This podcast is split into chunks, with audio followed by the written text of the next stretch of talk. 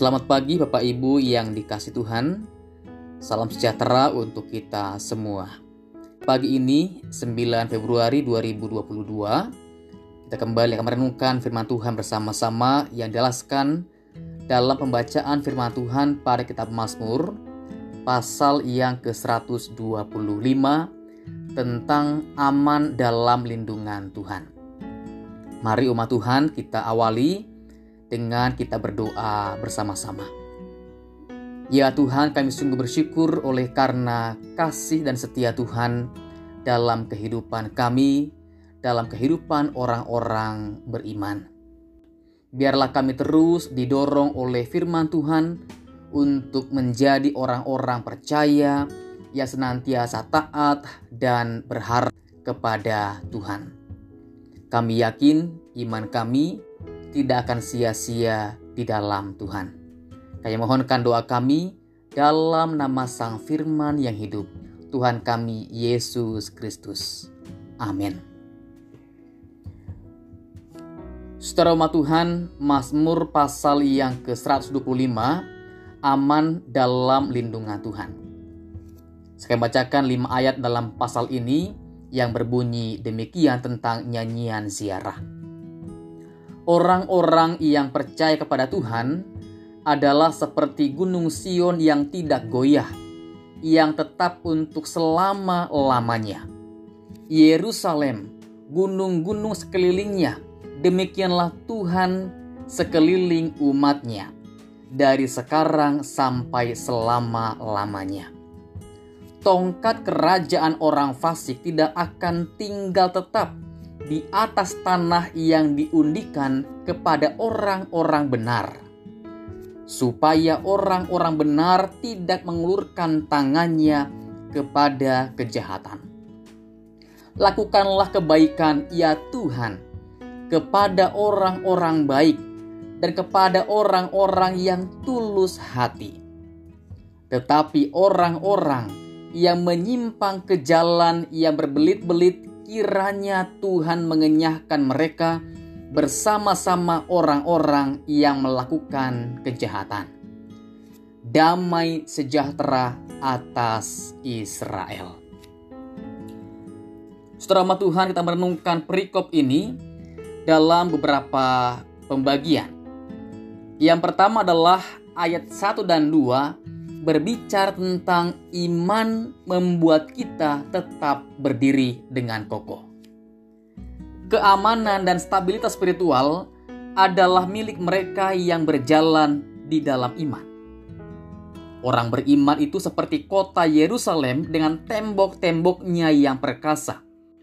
Yerusalem didirikan dengan kokoh di atas fondasi batu yang kuat. Kota itu dikelilingi oleh sejumlah bukit dan dengan tembok yang dibangun dengan sangat tebal.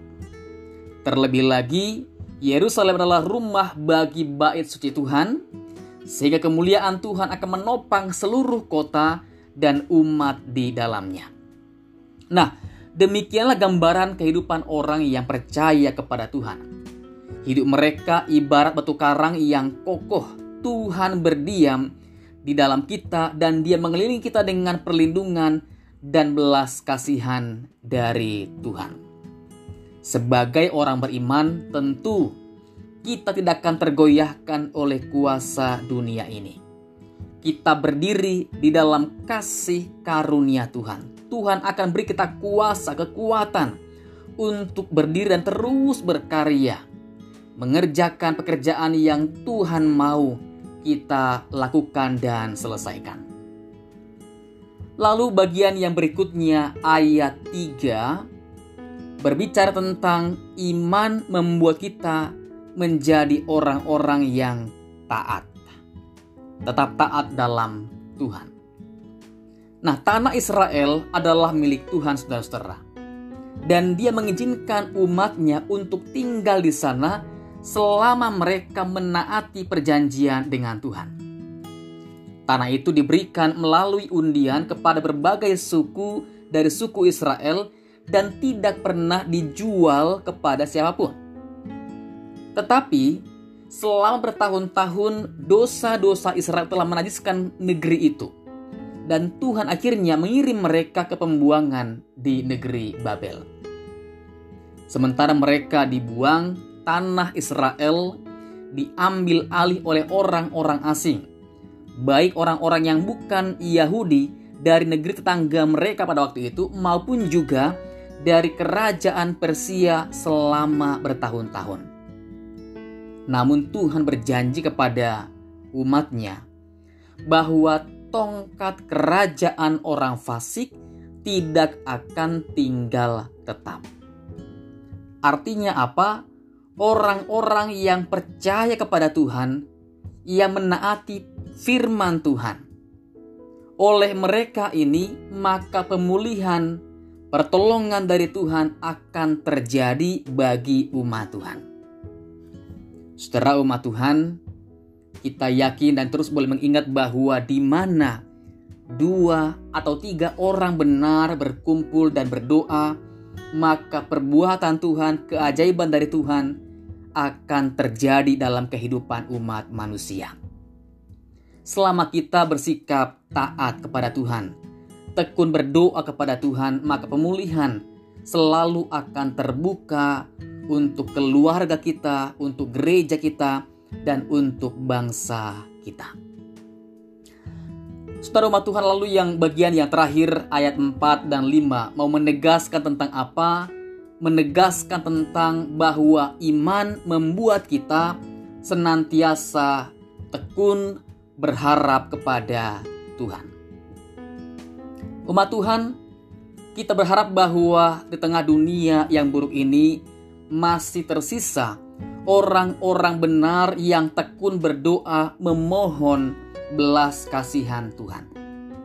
Tidak peduli seberapa buruk dunia ini, tapi selama orang-orang benar berdoa dan berharap pada Tuhan, selalu ada peluang untuk terjadinya kebaikan-kebaikan dari Tuhan. Orang benar tahu bahwa suatu hari kelak Tuhan pasti akan menghakimi orang-orang yang tidak taat, orang-orang yang menyimpang dari kebenaran.